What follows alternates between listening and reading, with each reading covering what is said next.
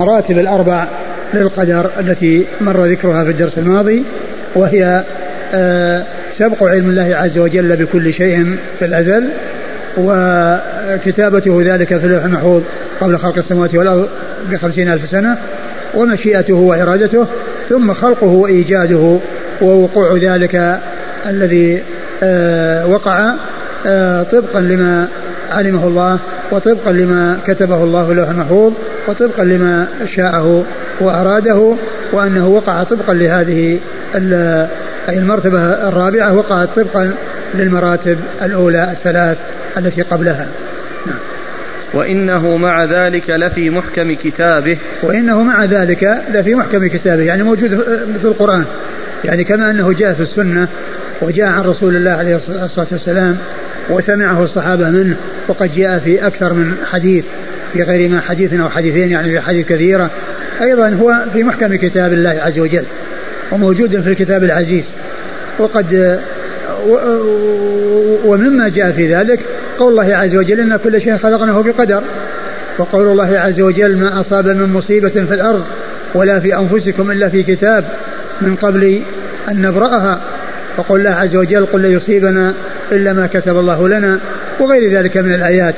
وهو موجود في كتاب الله عز وجل واضح جلي لا خفاء فيه وكمان وكذلك هو موجود في سنة رسول الله صلى الله صلى الله عليه وسلم.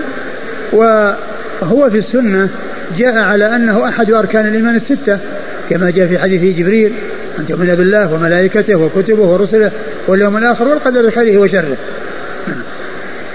منه اقتبسوه ومنه تعلموه.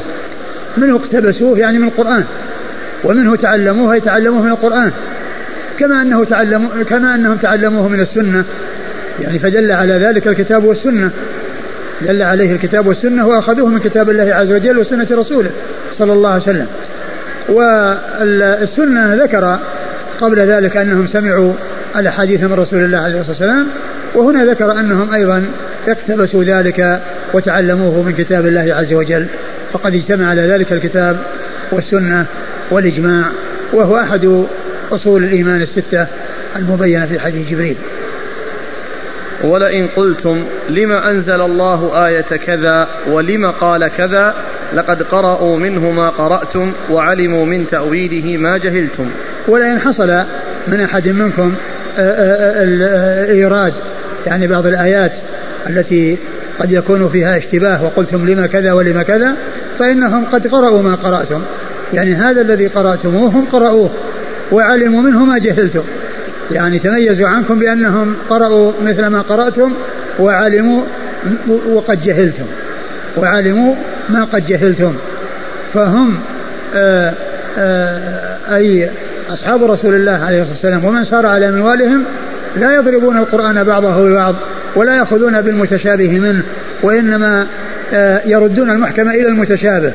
والقرآن يصدق بعضه بعضا ويشبه بعضه بعضا ولا يضرب بعضه ببعض ولا يتبع المتشابه ويترك المحكم كما هي طريقة أهل الزغ والضلال التي جاءت في القرآن والتي قالت عنها عائشة رضي الله عنها إذا رأيتم الذين يتبعون ما تشابه منه فأولئك الذين سمى الله يعني سمى الله فاحذروهم. فالذين يحصل منهم اعتراض أو إيراد يعني بعض الآيات التي فيها اشتباه ويتركون المحكم أصحاب رسول الله صلى الله عليه وسلم سبقوهم إلى أنهم قرأوا القرآن وأنهم علموا ما فيه وفقهوا ما فيه وهؤلاء جهلوا. فأصحاب رسول الله علم, علم ما جهل هؤلاء. نعم. وقالوا بعد ذلك كله بكتاب وقدر وكتبت الشقاوة. وقالوا بعد ذلك كله بكتاب وقدر. يعني بكتاب يعني مكتوب باللوح المحفوظ ومقدر بقضاء الله وقدره. كل هذا الذي يحصل وكل هذا الذي يقع وكل ما هو كائن في الوجود فهو بقضاء الله وقدره. ولا يمكن أن يكون في الوجود شيء ما قدره الله وقضاه.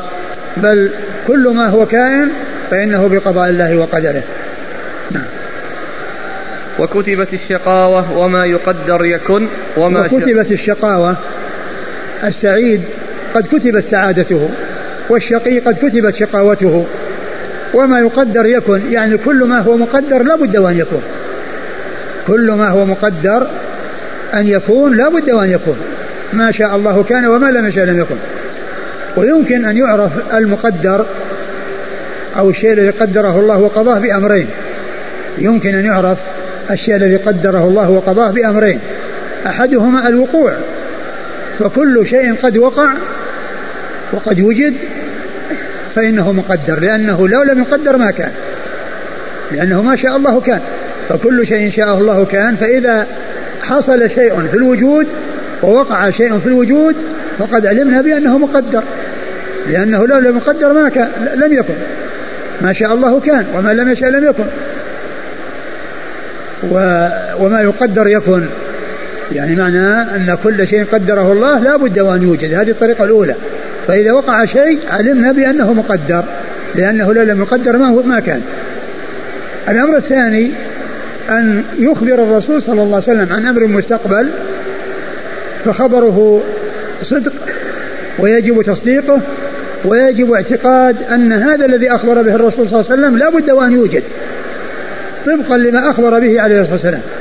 وهذا الذي سيوجد هو مقدر لأنه لا يوجد إلا مقدر ولا يقع في الكون إلا مقدر. فإذا الشيء الذي وقع ورؤي وشوهد بأنه قد وقع هذا مقدر. لأن وقوعه يدل على أنه مقدر لأنه لولا مقدر ما وجد. والأمر الثاني أن يخبر النبي صلى الله عليه وسلم عن أمر سيقع في المستقبل فهو لابد أن يقع في المستقبل. لأن الرسول أخباره صادقة عليه الصلاة والسلام. لأنه يخبر عن الله ولا ينطق عن الهوى. فنعلم بأن هذا الذي أخبر به النبي صلى الله عليه وسلم في المستقبل يقع سيقع طبقا لما أخبر به صلى الله عليه وسلم وذلك الذي يقع في المستقبل هو مقدر سبق به القضاء والقدر. مثل خروج ياجوج وماجوج والدجال ونزول عيسى بن مريم وغيرها من الأمور التي تقع في آخر الزمان فإنها مقدرة وسبق بها القضاء والقدر. ونعلم بأنها مقدرة لأننا عرفنا ذلك عن إخبار الرسول صلى الله عليه وسلم قبل أن تقع. مثل ما حصل من إخباره صلى الله عليه وسلم عن أمور قريبة من زمانه وقد وقع طبقا لما أخبر به عليه الصلاة والسلام. مثل قوله عن الحسن وهو معه على المنبر وهو يخطب وهو صغير قد حمله. فيقول نبني هذا سيد وسيصلح الله به بين فئتين عظيمتين من المسلمين. وقد حصل ذلك بعد ثلاثين سنة من وفاة الرسول صلى الله عليه وسلم عام 41 حيث حصل ذلك وقع ما أخبر به النبي عليه الصلاة والسلام. وعلى هذا فالمقدر المقدر غيب. لا يعلم ما قدره الله وقضاه إلا الله سبحانه وتعالى. ولكننا يمكن أن نعرف المقدر بهذين الأمرين. الوقوع وحصول الإخبار من الصادق المصدوق صلى الله عليه وسلم عن أمر سيقع. نعم. وما شاء الله كان وما لم يشأ لم يكن. وما شاء الله كان وما لم يشأ لم يكن. هاتان الكلمتان يعني فيهما يعني بيان القدر وأن كل شيء شاءه الله. لا بد أن يكون وكل شيء لم يشاءه الله لا يمكن أن يكون يقول الشاعر فما شئت كان وإن لم أشأ وما شئت إن لم تشأ لم يكن فما شئت كان وإن لم أشأ ما شاء الله كان وإن لم يشأ الإنسان يقع وما لا و و و فما شئت كان وإن لم أشأ وما شئت إن لم تشأ لم يكن فما شئت كان وإن لم أشأ وما شئت وما فما شئت كان وإن لم أشأ وما شئت إن لم تشأ لم يكن. إذا شاء الإنسان شيء والله ما شاءه لا يمكن أن يكون لأن الذي يقع هو ما شاءه الله عز وجل. ولا نملك لأنفسنا ضرا ولا نفعا. ولا نملك لأنفسنا ضرا ولا نفعا.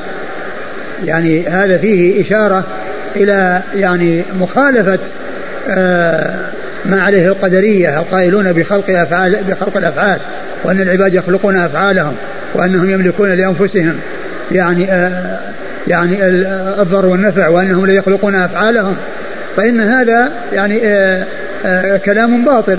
وأهل السنة والجماعة يخالفونهم في ذلك بمعنى أنهم آآ آآ لا يملكون بمعنى أن أن كل ما يريدونه وكل ما يحصل أنه بأيديهم وإنما كل شيء هو بيد الله عز وجل نعم هم يفعلون الأسباب ويحصل منهم الاكتساب ولكن آه، لا يقع إلا ما قدره الله وقضاه وما أرادوه إذا ما شاء الله أن يقع فإنه لا يقع وما شاء الله عز وجل لابد وأن يوجد فإذا هذا فيه إشارة إلى أن أن أن, أن, أن, أن العبد لا يخلق فعله ولا يوجد فعله وأن الله تعالى هو الخالق لكل شيء والعبد مشيئته تابعة لمشيئة الله كما قال الله عز وجل وما تشاءون إلا أن يشاء الله لمن شاء منكم أن يستقيم وما تشاءون إلا أن يشاء الله رب العالمين. فلا يمكن أن يوقع في أن يوجد في ملك الله ما لم يشأه الله سبحانه وتعالى. وكل ما وقع فقد شاءه الله. ولا يمكن أن يقال أنه وجد شيء ما شاءه الله كما يقول المعتزلة القدرية. القائلين بأن العباد يخلقون أفعالهم وأن الله تعالى لم يقدرها آه لم يقدرها عليهم. وأن الله تعالى ما أرادها وما شاءها وإنما هم الذين شاءوها وأوجدوها. وقوله لا نملك لأنفسنا نفعا ولا ضرا يعني أن كل شيء بيد الله وكل شيء بقضاء الله وقدره وبخلقه وإيجاده. وهنا مسألة يتكرر ذكرها أو إرادها وهي هل الإنسان مخير أو مسير؟ هل الإنسان مخير أو مسير؟ والجواب أن يقال إنه مخير مسير. لا يقال إنه مخير فقط ولا مسير فقط. لأن القول بأنه مسير فقط هذا قول الجبرية. الذين يقولون إن الإنسان ليس عنده مشيئة ولا إرادة وأنه مجبور على ما يحصل منه وأن حركاته كحركات الأشجار وحركات الريش يعني في الهواء وأن يعني الإنسان ليس ليس له إرادة ولا مشيئة وأن كل ما يحصل إنما هو مجبور عليه. فهم يقولون أنه مسير. والجبرية يقولون والمعتزلة يقولون أنه مخير وأنه يخلق فعله ويوجد فعله. وأهل السنة والجماعة يقولون هو مسير باعتبار ومخير باعتبار. مخير باعتبار أن الله عز وجل جعل له عقلا وجعل له قدرة وقد أمر ونهي وعرف الخير والشر وقيل له إن فعلت كذا فلك كذا وإن فعلت كذا فعليك كذا. فقد بين له فهو يعني آه، يشاء ويقدم على الشيء بمشيئته وإرادته. لكن هذا الذي يقدم عليه بمشيئته وإرادته لا يخرج عن مشيئة الله وإرادته. بل هو تابع لمشيئة الله وإرادته. فهو فهو مخير باعتبار أنه قد مكلف وأنه مأمور منهي وأنه بين له طريق الخير وطريق الشر. وقيل إن سلكت هذا الطريق يوصلك إلى الجنة وهذا الطريق يوصلك إلى النار. والإنسان يقدم على هذا أو يقدم على هذا. يقدم على هذا أو على هذا. وهو مسير باعتبار أنه لا يحصل منه شيء ما قدره الله وقضاه وأنه يحصل منه شيء لم يسبق به قضاء الله وقدره. فقضاء الله وقدره يعني لا بد أن يكون ولكن لا يقال أن الإنسان يعني مجبور ويفرق بين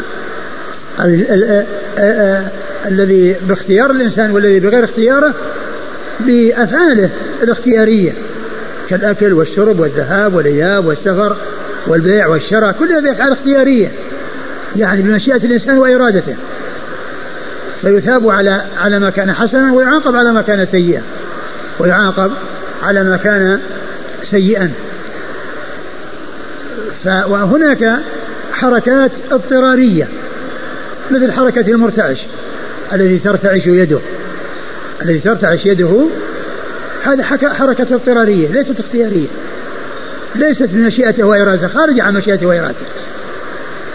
فهذا هو الذي يقال إنه مجبول عليه ليس يدخل مشيئته وارادته وأما كون الإنسان يبين له طريق الخير وطريق الشر وأن هذا يوصل إلى الجنة وهذا يوصل إلى النار ثم بعد ذلك يقدم الإنسان على هذا وهذا فإقدامه بمشيئته وإرادته ولكن هذا الذي حصل منه حصل بمشيئة الله وإرادته. لأن مشيئة العبد تابعة تابعة لمشيئة الله وما تشاءون إلا أن يشاء الله. أن يستقيم وما تشاءون إلا أن يشاء الله رب العالمين. فلا فلا يقال إنه مخير بمعنى أنه لم يقدر عليه شيء ولا يقال إنه مسير بمعنى أنه مجبور وأنه يعني لا ليس له مشيئة ولا إرادة بل له مشيئة وإرادة ولكنها لا تخرج عن مشيئة الله وإرادته. فهو باعتبار أن له مشيئة وإرادة يفعل بإرادته ومشيئته هو مخير. وباعتبار أنه لا يخرج عن مشيئة الله وإرادته هو مسير. فهو مخير ومسير لا يقال إذا سئل الإنسان هل هل الإنسان مخير أو مسير ما يجيب واحد من الاثنين واحد منهما الجواب واحد منهما خطأ وإنما الجواب الجمع بينهما مسير مخير مخير باعتبار مسير باعتبار وهذا يشبه المسألة المعروفة التي يقال هل هل الحدود جوابر أو زواجر؟ هل الحدود جوابر أو زواجر؟ إذا أقيم الحد على إنسان هل يكون زاجرا أو يكون جابرا؟ زاجر وجابر مع بعض. يكون جابرا للنقص الذي حصل وأنه حصل عقوبته في الدنيا إذا أقيم عليه الحد وفي نفس الوقت هو زاجر عن أن يعود إلى ذلك الذي فعله وحد عليه وزاجر لغيره أيضا أن يقع في ما وقع فيه فيتعرض لتلك العقوبة التي عوقب بها. فمثل هذا أو مثل هذين مما يكون الجواب فيه بالجمع بين الاثنين وليس باختيار واحد منهما وليس باختيار واحد منهما.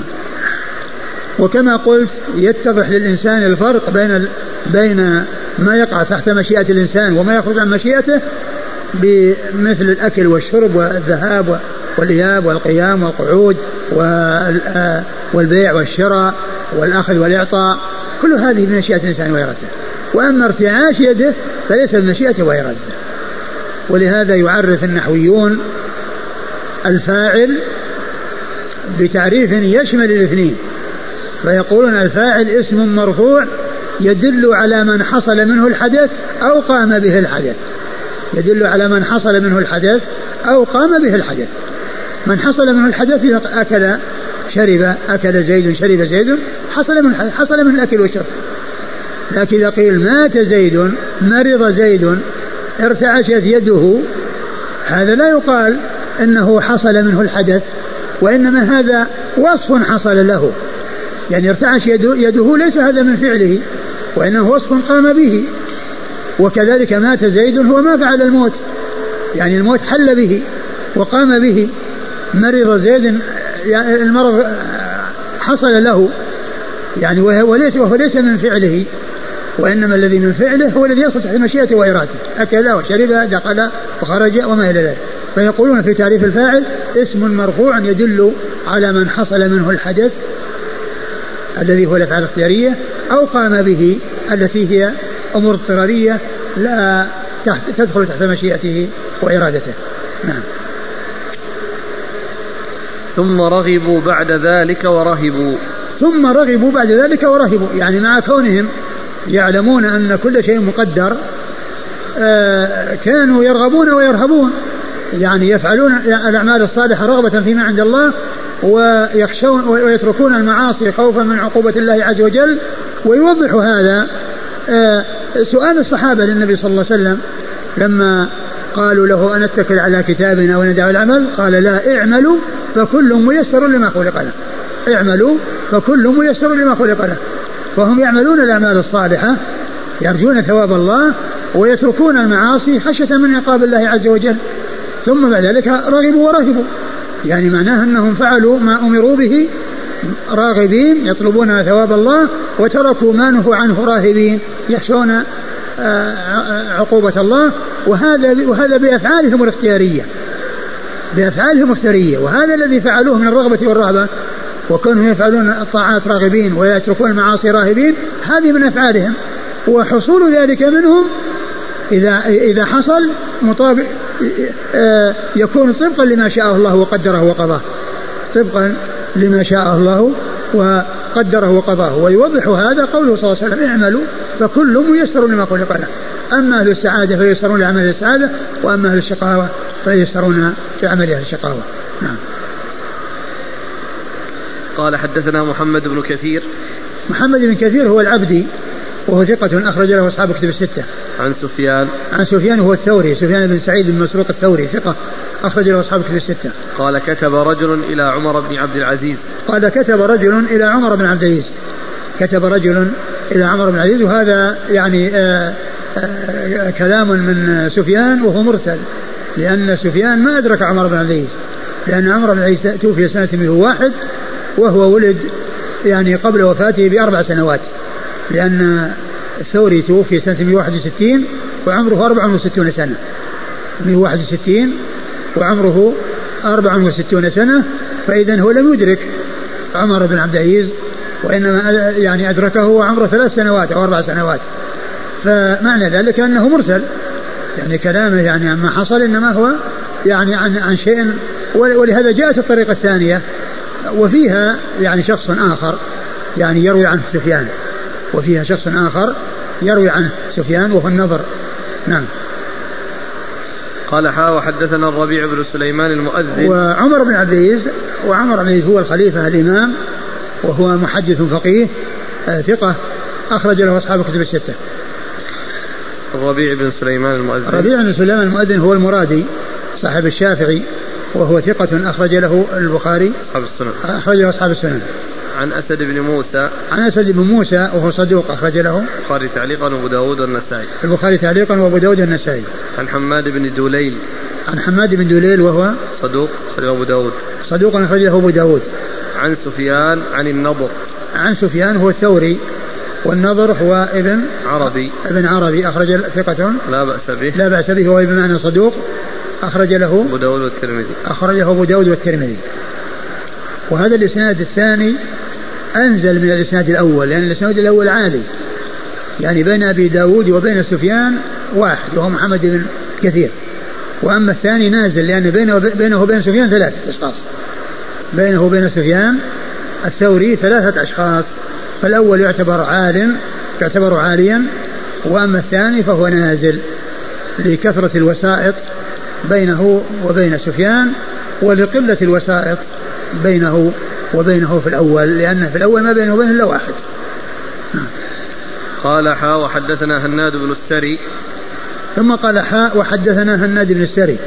هناد بن السري أبو السري ثقة أخرجه البخاري في خلق أفعال العباد ومسلم وأصحاب السنن عن قبيصة.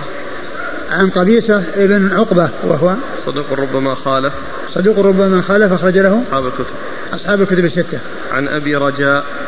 عن أبي رجاء وهو يقول الحافظ اللي قال إما أن يكون الهروي وإلا في مجهول. نعم. إيه، أخرج له أبو داود. نعم. نعم. عن أبي الصلت. عن أبي الصلت وهو كذلك كذلك. على الاحتمال. من هو؟ قيل هو شهاب بن خراش شهاب بن خراش وإلا في مجهول نعم. وإلا في مجهول يعني معناه أنها يعني غير محقق بالنسبة لهذين الاثنين. لكن كما هو معلوم يعني قبله طريقان. نعم. وهذا لفظ حديث ابن كثير ومعناهم. وهذا لفظ حديث ابن كثير يعني في الطريق الأولى. ومعناهم يعني معنى الطرق الأخرى.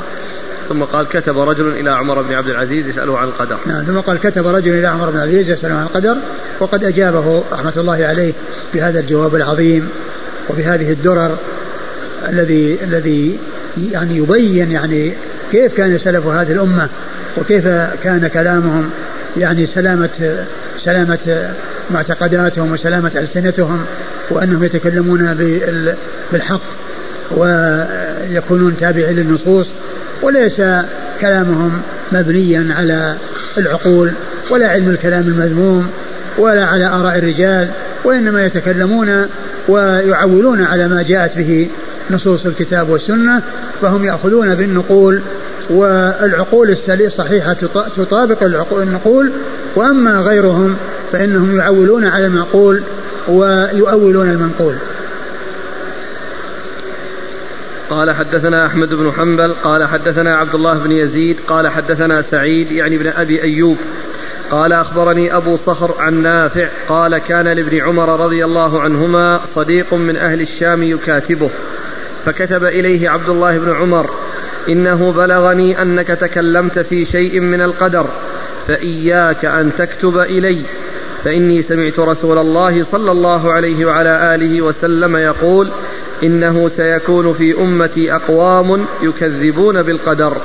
ثم ورد أبو داود آه، حديث عبد الله بن عمر رضي الله تعالى عنهما وأنه كان له صديق يكاتبه من أهل الشام وأنه بلغه عنه أنه يقول بشيء من القدر فكتب إليه لا تكاتبني ولا يعني يحصل منك مكاتبة بيني وبينك فإني سمعتك أن أنك تتكلم بشيء من القدر وقد قال رسول الله صلى الله عليه وسلم وقد قال عليه الصلاة والسلام سيكون في أمتي أقوام يكذبون بالقدر. سيكون في أمتي أقوام يكذبون بالقدر. يعني أراد ابن عمر رضي الله عنه أن يترك مراسلته وأن يترك يعني صداقته لأنه وجد منه هذا الذي فيه آآ آآ كلام في القدر. وابن عمر رضي الله عنه هو الذي قال عندما روى حديث جبريل عن أبيه أن أنه لما جاءه اثنان من من العراق وقال إنه ظهر قبلنا أناس يقولون بالقدر فقال إذا لقيتهم فأخبرهم أنني بريء منهم وأنهم براء مني. ثم ساق الحديث عن أبيه حديث جبريل الطويل وهو أول حديث في صحيح مسلم في كتاب الإيمان من صحيحة وساقه من أجل أن وتؤمن بالقدر خيره وشره. يعني ساقه مستدلا به والمقصود منه وأن تؤمن بالقدر خيره وشره. قال حدثنا أحمد بن حنبل. أحمد بن حنبل أحمد بن محمد بن حنبل الشيباني الإمام الفقيه المحدث أحد أصحاب المذاهب الأربعة المشهورة من مذاهب السنة وحديث أخرجه أصحاب الكتب الستة. عن عبد الله بن يزيد عبد الله بن يزيد المقري المكي وهو ثقة أخرجه أصحاب الكتب الستة. عن سعيد يعني بن أبي أيوب. سعيد يعني بن أبي أيوب وهو ثقة. أخرجه أصحاب الكتب. أخرجه أصحاب الكتب الستة. عن أبي صخر. وحميد بن زياد. نعم. وهو صدوق. يهم. صدوق يهم أخرج له. صالح الأدب المفرد ومسلم وأبو داود والترمذي والنسائي في مسند علي وابن ماجه. أخرجه البخاري في الأدب المفرد وأبو داود ومسلم. ومسلم وأبو داود والترمذي. والترمذي والنسائي في مسند علي وابن ماجه. عن نافع. عن نافع مولى بن عمر وهو ثقة أخرجه أصحاب الكتب الستة. عن عبد الله بن عمر رضي الله تعالى عنهما وهو الصحابي الجليل. أحد العباد الأربعة من الصحابة وهم عبد الله بن عمر وعبد الله بن عمرو. عبد الله بن عباس وعبد الله بن الزبير وهو أحد السبعة المعروفين بكثرة الحديث عن النبي صلى الله عليه وسلم. قال حدثنا عبد الله بن الجراح قال حدثنا حماد بن زيد عن خالد الحذاء قال قلت للحسن يا أبا سعيد أخبرني عن آدم أللسماء خلق أم للأرض؟ قال لا بل للأرض. قلت أرأيت لو اعتصم فلم يأكل من الشجرة؟ قال لم يكن له منه بد. قلت أخبرني عن قوله تعالى ما أنتم عليه بفاتنين إلا من هو صال الجحيم قال إن الشياطين لا يفتنون بضلالتهم إلا من أوجب الله عليه الجحيم ثم ورد أبو داود هذا الأثر عن الحسن البصري رحمة الله عليه سأله سأله رجل من هو اللي سأله؟ قيل خالد الحذاء. قال قلت للحسن يا أبا سعيد نعم أخبرني عن آدم. قال قلت للحسن يا أبا سعيد أخبرني عن آدم. أخلق لل... لل... للسماء؟ خلق أم للأرض؟ للسماء. للسماء خلق أم للأرض؟ للسماء خلق أم للأرض؟ قلب للأرض لأنه يعني آه، آه، أسكن الأرض وجعله الله خليفة في الأرض. نعم. قال لا بل للأرض. نعم قال لا بل للأرض. نعم. قلت أرأيت لو اعتصم فلم يكن فلم يأكل من الشجرة؟ قال. لم يكن له منه بد. قال أرأيت أن اعتصم يعني امتنع فلم يأكل من الشجرة ماذا يكون؟ قال لم يكن له بد من أكل الشجرة لأن الله قدر ذلك. ما دام أنه قد قدر ما في بد من وقوع المقدر. فلا يقال أنه آه يمكن أن يعتصم ويمكن أن يمتنع وأنه ما يحصل من أكل. بعدما وجد الأكل وبعد ما وجد المقدر ولهذا هذا الجواب جواب عظيم. قال لم يكن منه بد. شيء مقدر وقع وحصل ووجد وقد سبق به قضاء الله وقدره والله قدر ذلك ما في بد ما في بد من هذا. يعني من المقدر كان ما شاء الله كان. فالقول ب يعني ال الاعتراض يعني على يعني مثل مثل هذه مثل هذه الأشياء يعني لو حصل كذا أو إنها آه، آه، يمكن أن يحصل كذا وكذا ابدا. الشيء المقدر والذي قد وقع بالفعل لا يقال إنه آه، يمكن خلافه. ولهذا قال رحمة الله عليه لم يكن له منه بد. ولهذا الرسول صلى الله عليه وسلم في الحديث الذي شاف بالأمس حديث أبي هريرة المؤمن القوي خير إلى الله من المؤمن الضعيف في كل خير احرص على ما ينفعك واستعن بالله ولا تعجز إن أصابك شيء فلا تقل لو أني فعلت لكان كذا وكذا. ولكن قل قدر الله وما شاء فعل. لأن الذي قدره الله لا بد أن يكون. فلا يصح يقول لو أني فعلت لكان كذا وكذا. ما الذي يدريه أنه سيكون؟ قد يريد شيئا ولا يقع.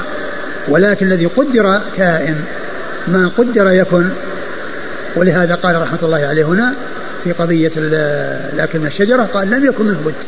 ما دام أنه قد قدر وقد وقع ما في شيء غير هذا. لأنه لا يقع إلا مقدر. ما أصابك لم يكن ليخطئك وما أخطأك لم يكن ليصيبك. نعم.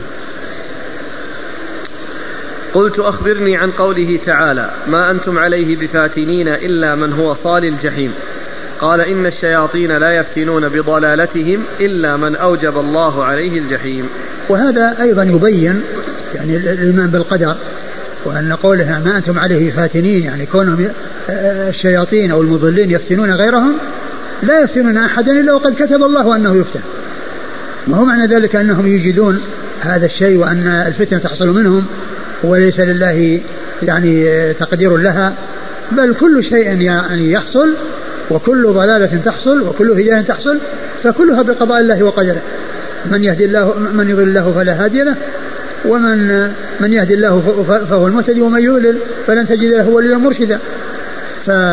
فما قدره الله من من من, من خير أو شر ما قدره الله من هداية أو ضلال فإنه لا بد وأن يوجد. نعم. قال حدثنا عبد الله بن الجراح. عبد الله بن الجراح هو؟ صدوق يخطئ أخرج له أبو داود والنسائي في مسند مالك وابن ماجه. صدوق يخطئ أخرج له أبو داود والنسائي في مسند مالك وابن ماجه. عن حماد بن زيد. عن حماد بن زيد البصري وهو ثقة أخرج له أصحاب كتب الستة. عن خالد الحذاء. عن خالد بن مهران الحذاء وهو ثقة أخرج له أصحاب كتب الستة. والحذاء لقب وقيل له الحذاء لأنه كان قيل أنه كان يجالس الحذائين. وهذه كما يقول النسبة إلى أدنى مناسبة. نسبة إلى أدنى مناسبة. لأن الأصل أن الحذاء هو الذي يبيع الأحذية أو يصنعها. يعني يقال الحذاء كونه يبيع الأحذية أو يصنعها. وأما كونه يجلس عند الحذائين فيقال له حذاء فهذا يعني يعني لا يسبق إلى الذهن. نسبة لا تسبق إلى الذهن. مثل ما قالوا في يزيد الفقير لأن المتبادر للذهن من الفقير أنه من الفقر وإنما كان لأنه يشكو في قار ظهره. كان يشكو في قار ظهره فقيل له الفقير. يعني نسبة إلى شكواه من فقار ظهره. فكذلك هنا الحذاء نسبة إلى كونه يجلس في الحذائين. وقيل إنه كان يقول له احذو على كذا احذو على كذا. يعني يرسم له شيء ويقول احذو عليه يعني قص على على يعني مقدار يعني هذا الذي الذي يسمونه الخلق وهو التقدير. يعني الإنسان الحذة عندما يريد أن يقطع له على مقدار النعل يرسم رسم في الجلد ثم يأتي بالمقص فيقص على هذا الرسم فيطلع على مقدار الرجل. هذا تقدير. ويقول لك خلق بمعنى التقدير. ولهذا يقول الشاعر ولا أنت تفري ما خلقت وبعض القوم يخلق ثم لا يفري. يعني أنت تقدر ثم تنفذ طبقا لتقديرك. وغيرك يقدر ولكنه عندما يجي يقص يعني ما يستقيم قصه. فتجده يعني يدخل ويخرج ويصير يعني فيه تعاريج وفيه كذا. ف فال فهو يقول له احذو على كذا يعني يرسم له شيء ويقول احذو على كذا فقيل له الحذاء. نعم. الحسن. عن الحسن بن أبي الحسن البصري وهو ثقة أخرجه أصحاب الكتب الستة. هذا فيه شبه بجواب آدم لموسى. فحج آدم وموسى فحج آدم وموسى. يعني في شبه من ناحية المقدر ووجود المقدر ولكن لكن هذا يعني ال آآ آه، آآ آه، يعني هذا أخبر عن عن شيء قال رأيت إن حصل كذا يعني أنه ما وجد الأكل. قال ما في ما في لابد من الأكل. ما دام انه مقدر الأكل لابد منه. وأما هذا عن أمر قد وقع ولكن آه، كما عرفنا اللوم لم يكن على على الذنب وعلى العيب. وإنما كان على المصيبة. التي جاءت نتيجة للذنب. نعم. قال حدثنا موسى بن إسماعيل قال حدثنا حماد قال حدثنا خالد الحذاء عن الحسن في قوله تعالى ولذلك خلقهم قال خلق هؤلاء لهذه وهؤلاء لهذه ثم أورد هذا الأثر عن الحسن يقول له لذلك خلقهم خلق هؤلاء لهذه أي أهل السعادة خلقهم للجنة وأهل الشقاوة خلقهم للنار. يعني أنه سبق قضاء الله وقدره بأن الأشقياء للنار وأن السعداء للجنة. أن السعداء للجنة والأشقياء للنار. خلق هؤلاء لهذه وهؤلاء لهذه. يعني سبق بذلك القضاء والقدر. لكن لا يقال إن, أن, أن أنهم مجبورون على هذا بل آآ لهم عقول ولهم إرادة ولهم مشيئة وقد رغبوا ورهبوا فمن أقدم على أو سلك الطريق الموصل للجنة انتهى إليها ومن سلك الطريق الموصل للنار انتهى إليها كما قال عليه الصلاة والسلام اعملوا فكل ييسر لما خلق له أما أهل السعادة فييسرون لأعمال السعادة وأما أهل الشقاوة فييسرون لأعمال الشقاوة. وكما قال وهديناه النجدين يعني بينا له طريق الخير والشر. نعم. حدثنا موسى بن إسماعيل موسى بن إسماعيل التبوذكي ثقة أخرج له أصحاب الكتب الستة. عن حماد عن حماد وهو بن سلمة بن دينار البصري ثقة أخرجه البخاري تعليقا ومسلم وأصحاب السنة. عن خالد الحذاء عن الحسن. خالد الحذاء عن الحسن وقد مر ذكرهما. قال حدثنا أبو كامل قال حدثنا إسماعيل قال حدثنا خالد الحذاء قال قلت للحسن ما أنتم عليه بفاتنين إلا من هو صال الجحيم قال إلا من أوجب الله تعالى عليه أنه يصل الجحيم. وهذا مثل الأثر السابق. يعني ما أنتم عليه فاتنين إلا من هو صال الجحيم. يعني من أوجب الله عليه يعني قدر وقضى أنه يصل الجحيم. فهؤلاء هذا هو الذي يفتنه المضلون. هؤلاء هذا هو الذي يفتنه المضلون. من كتب الله عليه أنه يحصل لذلك حصل. ومن لم يكتب عليه فإنه لا يحصل.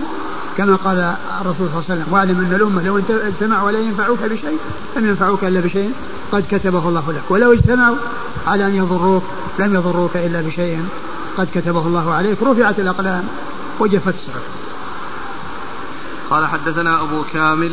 أبو كامل الجحدري هو فضيل بن حسين وهو ثقة. أخرجه البخاري تعليقا ومسلم وأبو داود النسائي. أخرجه البخاري تعليقا ومسلم وأبو داود النسائي. عن إسماعيل. عن إسماعيل وهو بن علية إسماعيل بن إبراهيم مقسم بن علية ثقة أخرج له أصحاب الكتب الستة. عن خالد الحذاء عن الحسن. عن خالد الحذاء عن الحسن وقد مر ذكرهم. قال حدثنا هلال بن بشر قال حدثنا حماد قال أخبرني حميد كان الحسن يقول لأن يسقط من السماء إلى الأرض أحب إليه من أن يقول الأمر بيدي ثم أورد هذا الأثر عن الحسن وهو حيث قال لأن يسقط من السماء إلى الأرض أحب إليه من أن يقول الأمر بيدي يعني أن أن أنه يخلق فعله وأنه يوجد فعله وأن الأمر بيده وأن وأن العباد يخلقون أفعالهم. بل الخالق لكل شيء هو الله. الخالق لكل شيء هو الله. فقوله الأمر بيدي بمعنى أنه يكون مستقلا يعني بأفعاله لم يقدر الله عليه شيئا منها. بل آه هو يفعل بمشيئته وإرادته ولكن لا يخرج عن مشيئة الله وإرادته. والمقصود من ذلك نفي القول بالقدر الذي يقول فيه القدرية أن الإنسان يخلق فعله ويوجد فعله والله لم يقدر عليه شيء. قال حدثنا هلال بن بشر. هلال بن بشر هو؟ ثقة أخرج البخاري في جزء القراءة وأبو داود النسائي. ثقة أخرجه البخاري في جزء القراءة وأبو داود النسائي. عن حماد عن حميد. عن حماد هو بن زيد. حماد هو بن زيد وهو ثقة مر ذكره. عن حميد. عن حميد بن أبي حميد الطويل وهو ثقة أخرجه أصحاب الكتب الستة. عن الحسن. عن الحسن وقد مر ذكره.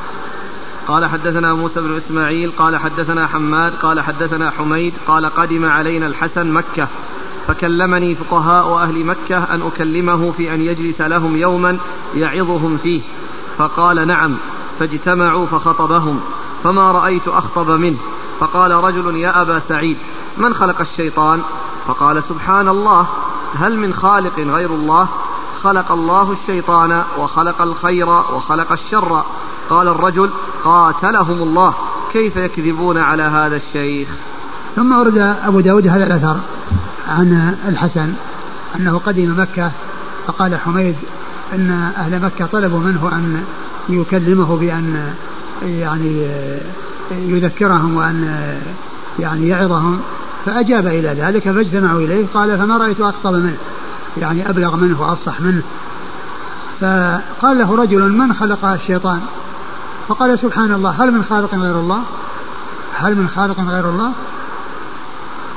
الله ثم قال الله خلق الخير وخلق الشر. فقال الرجل قاتلهم الله. نعم. كيف كيف يكذبون, على كيف يكذبون؟ يعني كأنه نسب إليه أنه يقول بشيء من القدر. ولهذا اختبره بهذا السؤال وسأله بهذا السؤال سأله هذا السؤال حتى يعرف يعني هل الأمر يعني كما يقولون أو أنه بخلاف ما يقولون. فلما تبين له أن الأمر بخلاف ما يقال دعا على أولئك الذين يضيفون إليه أنه يقول بشيء من القدر. قال حدثنا موسى بن إسماعيل عن حماد عن حميد عن الحسن. موسى بن إسماعيل وحماد وحميد والحسن كلهم مر ذكرهم قال حدثنا ابن كثير قال أخبرنا سفيان عن حميد الطويل عن الحسن. كذلك نسلكه في قلوب المجرمين قال الشرك. ثم أورد هذا الأثر عن الحسن قال كذلك نسلكه في قلوب المجرمين قال الشرك. يعني أن كل شيء مقدر الهداية مقدرة والغواية مقدرة. والغواية مقدرة.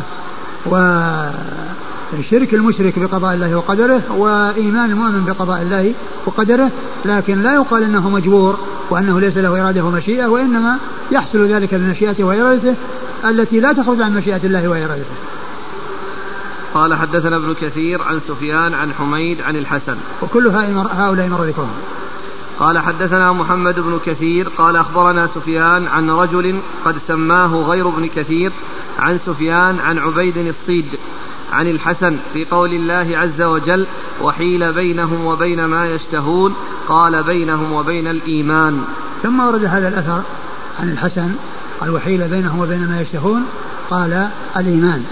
وقيل المراد بذلك أنه يعني عند البعث وأنهم يعني آآ آآ يعني آآ الإيمان يعني لا ينفعهم يعني بعد ما يشاهدوا العذاب والإسناد في رجل في في فيه رجل مبهم يعني غير غير مسمى أو غير معين فهو فهو غير ثابت. يعني هذا الأثر بهذا الإسناد. قال حدثنا محمد بن كثير عن سفيان عن رجل. نعم. قد سماه غير ابن كثير. نعم. عن سفيان عن عبيد عن عبيد الصيد إيش الإسناد؟ قال حدثنا محمد بن كثير. قال أخبرنا سفيان عن رجل قد سماه غير ابن كثير. نعم عن سفيان عن عبي عن عبيد الصيد. هذا هو الرجل. نعم عن إيش؟ عن عبيد الصيد. هذا الذي سماه غير ابن كثير. إيش قال؟ الاسناد؟ قال؟ قال حدثنا محمد بن كثير. قال أخبرنا سفيان عن رجل نعم. قد سماه غير ابن كثير. نعم. عن سفيان. نعم صحيح. عن سفيان عن عبيد الصيد نعم. عن الحسن. نعم. وهذا عبيد الصيد عبيد بن عبد الرحمن المزني صدوق أخرجه أبو داود. صدوق أخرجه أبو داود. الألباني ضعف الحديث بس ما أدري إيش وجه تضعيفه ضعف الإسناد. يعني فهذا يعني معناه أنه بين الطريقة الثانية التي فيها التسمية. نعم. عن سفيان. عن سفيان عن عبيد الصيد عن الحسن. وش من خرج له؟ من هو؟ عبيد الصيد أبو داود. أبو داود. صدوق؟ نعم. نعم. قال حدثنا محمد بن عبيد قال حدثنا سليم عن ابن عون قال كنت أس كنت أسير بالشام فناداني رجل من خلفي فالتفت فإذا رجاء بن حيوة. فقال يا أبا عون ما هذا الذي يذكرون عن الحسن؟ قال قلت إنهم يكذبون على الحسن كثيرا. ثم ورد هذا الأثر وهو يعني يشبه الجواب الذي قاله ذلك الذي حصل في مكة لما قال قاتلهم الله يكذبون على هذا الشيء. قال ما هذا الذي يعني آه، نسمعه عن الحسن؟ قال إنهم يكذبون عليه كثيرا. والمقصود من ذلك أنه نسب إليه يعني شيء من القدر ولكنه تبين أنه سليم من ذلك. قال حدثنا محمد بن عبيد. محمد بن عبيد بن حساب وهو ثقة أخرجه مسلم وأبو داود النسائي. ثقة أخرجه مسلم وأبو داود النسائي. عن سليم سليم. وهو ابن أخبار نعم. وهو ثقة أخرجه مسلم وأبو داود الترمذي والنسائي. ثقة أخرجه مسلم وأبو داود الترمذي والنسائي. عن ابن عون. عن ابن عون وهو عبد الله بن عون ثقة أخرج له أصحاب الكتب الستة. عن الحسن. عن الحسن وقد مر ذكره. قال حدثنا سليمان بن حرب قال حدثنا حماد قال سمعت أيوب يقول كذب على الحسن ضربان من الناس. قوم القدر رأيهم وهم يريدون أن ينفقوا بذلك رأيهم. وقوم لهم في قلوبهم شنآن وبغض يقولون أليس من قوله كذا؟ أليس من قوله كذا؟ ثم ورد هذا الأثر أن من هو قائل؟ أيوب. أيوب السختياني قال كذب على الحسن ضربان من الناس يعني صنفان من الناس. قوم أهل قدر يريدون أن يجروه إليهم وأن ينفقوا آه، باطلهم بنسبة ذلك إلى الحسن. وقوم في قلوبهم شنآن يعني وبغض. فهم يضيفون إليه ما ليس منه فيقول ليس من قوله كذا ليس من قوله كذا نعم قال حدثنا سليمان بن حرب سليمان بن حرب ثقة أخرجه أصحاب الكتب الستة. عن حماد وحماد هو بن زيد ثقة أخرجه أصحاب الكتب الستة ومر ذكره. عن أيوب عن أيوب السختياني هو ثقة أخرجه أصحاب الكتب الستة. قال حدثنا ابن المثنى أن يحيى بن كثير العنبري حدثهم قال كان قرة بن خالد يقول لنا يا فتيان لا تغلبوا على الحسن فإنه كان فإنه كان رأيه السنة والصواب. ثم ورد هذا الأثر عن عن قرة بن خالد. عن قرة بن خالد أنه قال يا فتيان لا تغلبوا على الحسن فإن رأيه السنة والصواب. فإن رأيه السنة والصواب. يعني لا تغلبوا عليه يعني لا يغلبكم القدرية عليه. وإنما هو ليس منهم وإنما هو منكم. فإن رأيه السنة والصواب فهو على الحق وليس على الضلالة. نعم. قال حدثنا ابن المثنى. ابن المثنى هو محمد المثنى أبو موسى الزمن. ثقة أخرجه أصحاب الكتب الستة. عن يحيى بن كثير. عن يحيى بن كثير وهو ثقة أخرجه أصحاب الكتب الستة. عن قرة بن خالد. عن قرة بن خالد وهو ثقة أخرجه أصحاب الكتب. ثقة أخرجه أصحاب الكتب الستة. قال حدثنا ابن المثنى وابن بشار قال حدثنا مؤمل بن إسماعيل قال حدثنا حماد بن زيد عن ابن عون قال لو علمنا أن كلمة الحسن تبلغ ما بلغت لكتبنا برجوعه كتابا وأشهدنا عليه شهودا ولكننا قلنا كلمة خرجت لا تحمل ثم ورد أبو داود هذا الأثر عن عبد الله بن عون وقال لو كنا نعلم أن هذه الكلمة التي خرجت من الحسن يعني آآ آآ تذهب تبلغ ما بلغت. تبلغ ما بلغت لكتبنا برجوعه وأشهدنا على ذلك. لكن قلنا كلمة يعني لا تحمل ولكنها حملت. وكأنه يعني حصل منه كلام موهم فتلقفه من تلقفه وأشاعه من أشاعه وما جاء عنه من النصوص الكثيرة. تدل على سلامته. نعم. قال حدثنا ابن المثنى وابن بشار. ابن المثنى مر ذكره. ابن بشار هو محمد بن بشار آه، الملقب بن دار وهو ثقة أخرجه أصحاب الكتب الستة. وهذان آه، الاثنان وهما محمد المثنى ومحمد بن بشار آه، من شيوخ أصحاب الكتب الستة. من شيوخ أصحاب الكتب الستة. كل من أصحاب الكتب الستة روى, روى عن هذه عن هذين اللي هما محمد بن بشار ومحمد المثنى. نعم. عن عن مؤمل بن إسماعيل. عن مؤمل بن إسماعيل وهو صدوق. سيء الحفظ. سيء الحفظ. أخرجه البخاري تعليقا وأبو داود في القدر والترمذي والنسائي وابن ماجه. أخرجه البخاري تعليقا وأبو داود في القدر وهنا اخرج له في السنن يعني كما هو موجود. يعني هنا فما أدري يعني ذكر نسبته إلى إلى كتاب القدر فقط. يعني مع أنه موجود يعني هنا. والترمذي والنسائي وابن ماجه. والترمذي والنسائي وابن ماجه. عن حماد بن زيد عن ابن عون. عن حماد بن زيد عن ابن عون وقد مر ذكره. قال حدثنا سليمان بن حرب قال حدثنا حماد بن زيد عن أيوب قال قال لي الحسن ما أنا بعائد إلى شيء منه أبدا. ثم أورد هذا الأثر عن أيوب أنه قال ما أنا بعائد إلى شيء منه أبدا. وهذا الأثر يعني يدل على أنه حصل منه شيء يعني آه تلقفه الناس. قد يكون يعني هذا الذي آه الذي آه هو مشتبه وأن الناس آه وقد بلغه ذلك وأضيف إليه ذلك فأخبر بأنه لا يعود إلى شيء من ذلك يعني من هذا الذي نسب إليه. قال حدثنا سليمان بن حرب عن حماد بن زيد عن أيوب عن الحسن. وقد مر ذكرهم جميعا. قال حدثنا هلال بن بشر قال حدثنا عثمان بن عثمان عن عثمان البتي قال ما فسر الحسن آية قط إلا على الإثبات. ثم ورد أبو داود هذا الأثر عن, عن من؟ عثمان البتي. عن البتي أنه قال ما فسر الحسن آية إلا على الإثبات يعني إثبات القدر. وهذا يعني فيه بيان دفع ما نسب إليه ورد ما نسب إليه وأنه ما فسر آية إلا على الإثبات يعني إثبات القدر وهو خلاف الشيء الذي نسب إليه. وهذه نصوص كثيرة وآثار متعددة كلها تدل على سلامة الحسن مما نسب إليه من القدر. قال حدثنا هلال بن بشر عن عثمان بن عثمان. عثمان بن عثمان هو صدوق ربما وهم أخرجه مسلم وأبو داود النسائي صدوق ربما وهم أخرجه مسلم وأبو داود النسائي عن عثمان البتي. عن عثمان بن مسلم البتي وهو صدوق. عابوا عليه الإفتاء بالرأي. عابوا عليه الإفتاء بالرأي أخرج له أصحاب السنن. أخرجه أصحاب السنن. قال باب في التفضيل. والله تعالى أعلم وصلى الله وسلم وبارك على عبده ورسوله نبينا محمد وعلى آله وأصحابه أجمعين. جزاكم الله خيرا وبارك الله فيكم ونفعنا الله بما قلتم.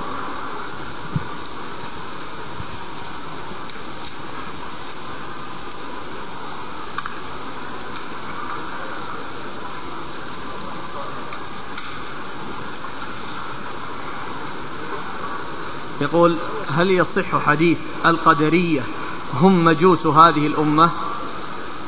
ما أذكر لكنه يعني الحديث وارد بس ما أدري ما أذكر شيء عن صحته.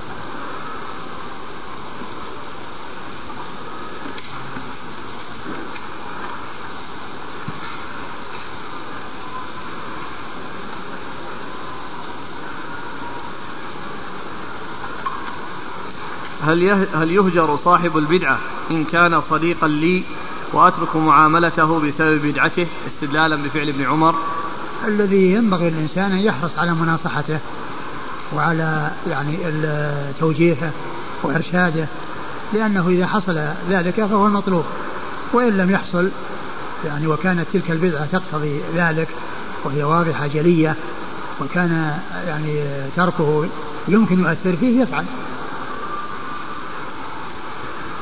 لماذا عبد الله بن عمر قال هذا ولم يتثبت أولا قبل أن يتبرأ من صاحبه؟ و ما ندري يعني يمكن يكون قد تثبت وأن هذا الذي قاله بناء على تثبت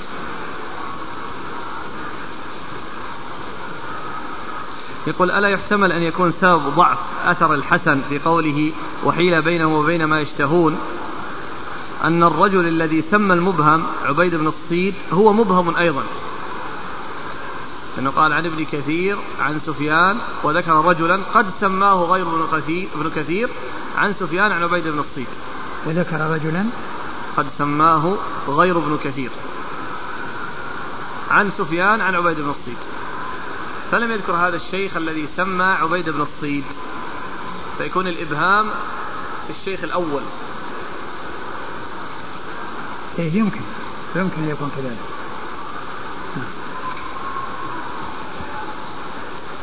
لعل الحافظ قال عن مؤمل بن إسماعيل أنه أخرج له أبو داود في القدر لأن نسخته من كتاب السنن على رواية اللؤلؤي وهذه الآثار ليست في رواية اللؤلؤي في رواية ابن داسه وابن العبد. نعم هو كذلك لكن لا ندري هل هل آه ابن حجر يعني كذلك يعني من كان آه آه في هذه الكتب أو هذه الروايات إنه يعني لا لا, لا يخرج لهم.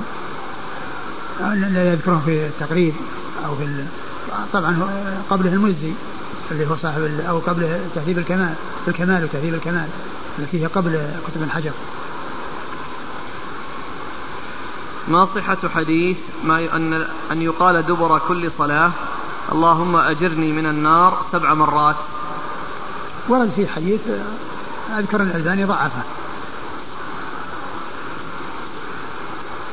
هل أخرج الإمام مسلم شيئا من الأحاديث عن شيخه البخاري؟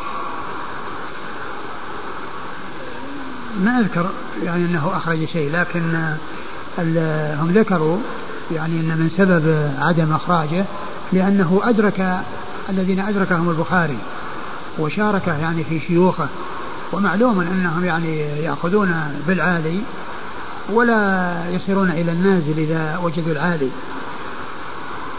فهو كما هو معلوم ليس بين وفاتيهما إلا خمس سنوات.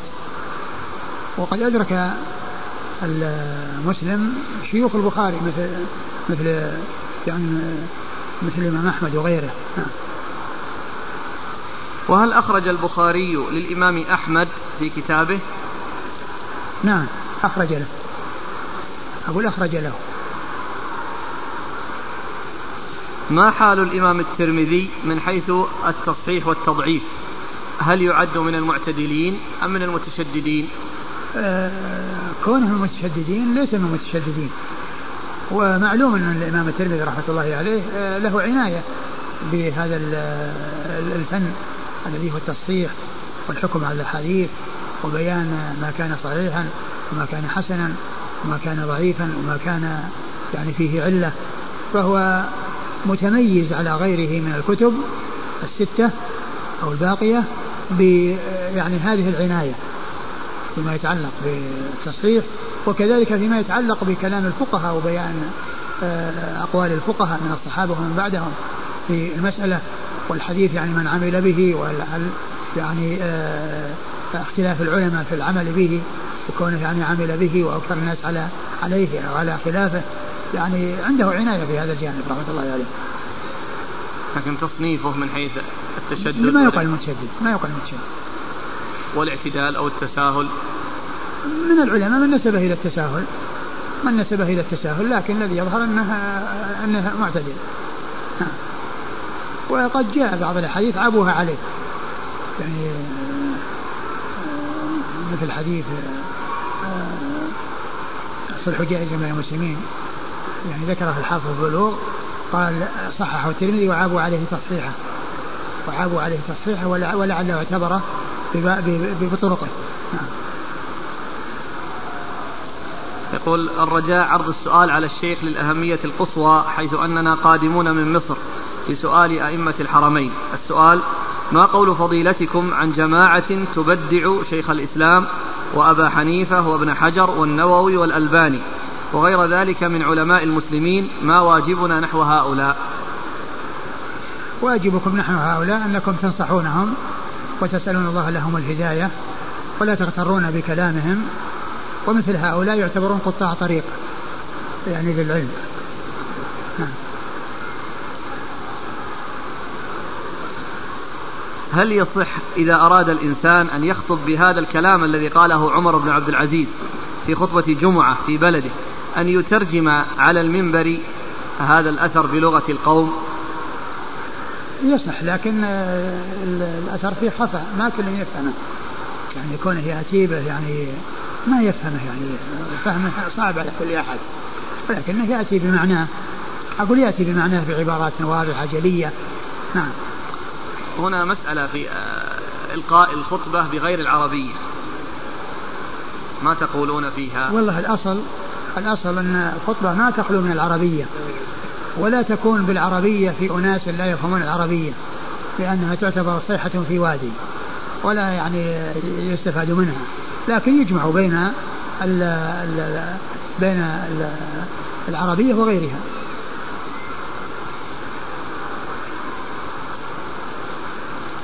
ما حكم الدعاء؟ اللهم إن كنت كتبتني عندك أني أن, أن أضل بعد الهدى فاقبض روحي قبل أن أضل وأن أزيغ. ما يصح مثل هذا الدعاء وإنما يسأل الله الهداية وأن يعصمه من الضلالة. وأما كونه اللهم إن كنت فعلت كذا فلا تفعل كذا لا يفعل وإنما يأتي بشيء دعاء واضح. يعني يسأل الله أن يجعله مهتديا وأن يهديه وأن يسدده وأن يرشده وأن يعصمه من الضلال. سياق الآية يقول ربنا ولا يزالون مختلفين إلا من رحم ربك ولذلك خلقهم. فقال بعضهم أي للاختلاف خلقهم للاختلاف. وهذا, وهذا الاختلاف أيضا إلى إلى جنة وإلى نار.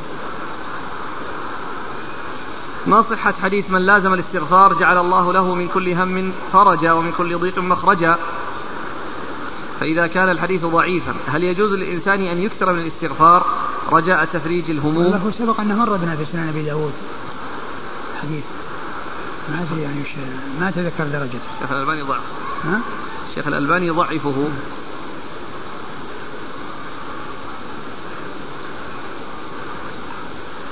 الأخ يفيد يقول أن الشيخ الألباني في المجلد الثالث من السلسلة الضعيفة صفحة ثلاثين يقول وإنكار تساهل الترمذي مكابرة فقد تتبعت أحاديثه حديثا حديثا.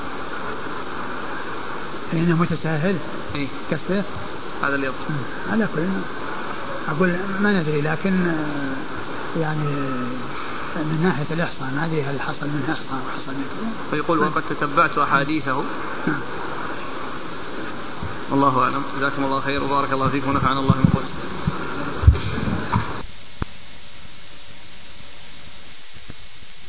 بسم الله الرحمن الرحيم. الحمد لله رب العالمين والصلاة والسلام على عبد الله ورسوله نبينا محمد وعلى آله وصحبه أجمعين. أما بعد قال الإمام أبو داود السجستاني يرحمه الله تعالى باب في التفضيل. قال حدثنا عثمان بن أبي شيبة قال حدثنا أسود بن عامر قال حدثنا عبد العزيز بن أبي سلمة عن عبيد الله عن نافع عن ابن عمر رضي الله عنهما أنه قال كنا نقول في زمن النبي صلى الله عليه وعلى آله وسلم لا نعدل بأبي بكر أحدا ثم عمر ثم عثمان ثم نترك أصحاب النبي صلى الله عليه وسلم لا نفاضل بينهم. بسم الله الرحمن الرحيم. الحمد لله رب العالمين وصلى الله وسلم وبارك على عبده ورسوله نبينا محمد وعلى آله وأصحابه أجمعين. أما بعد فيقول الإمام أبو داود السجستاني رحمه الله تعالى باب في التفضيل. أي التفضيل بين الأشخاص في بيان أن هذا أفضل من هذا أو إن هذا خير من هذا. ومعلوم أن هذا التفضيل الذي هو في يتعلق بالفضل وتفاوت الناس في الدرجات عند الله عز وجل هذا لا بد فيه من دليل لأن هذا من الأمور الغيبية التي لا تعرف إلا بالدليل يكون هذا أفضل من هذا أو هذا خير من هذا. بأن يكون جاء عن رسول الله عليه الصلاة والسلام سواء كان من قوله أو من إقراره عليه الصلاة والسلام. وأما التفضيل بأمور تظهر كأن يكون فلان أعلم من فلان أو فلان آه، يتميز على فلان في العلم أو غير ذلك فهذا يمكن أن يعرف بالمشاهدة والمعاينة كما جاء في حديث يوم القوم أقرأهم لكتاب الله فإن كانوا في قراءة سواء فأعلمهم بالسنة. فإن هذا يمكن أن يعرف. وأما التفضيل الذي هو فلان خير من فلان وفلان آه، منزلته عند الله أعظم من فلان هذه ما تعرف إلا بالدليل وما تعرف إلا بالنص من رسول الله عليه الصلاة والسلام. وقد أورد أبو داود رحمه الله حديث ابن عمر رضي الله تعالى عنهما أنه قال كنا والنبي صلى الله عليه وسلم حي نخير فنقول لا نعدل بأبي بكر أحدا ثم عمر ثم عثمان ثم نترك أصحاب رسول الله صلى الله عليه وسلم لا نفاضل بينهم. يعني ما نقول فلان أفضل من فلان. يعني هذا يحكي عن شيء كان في زمنه صلى الله عليه وسلم وفي حياته. عليه الصلاة والسلام.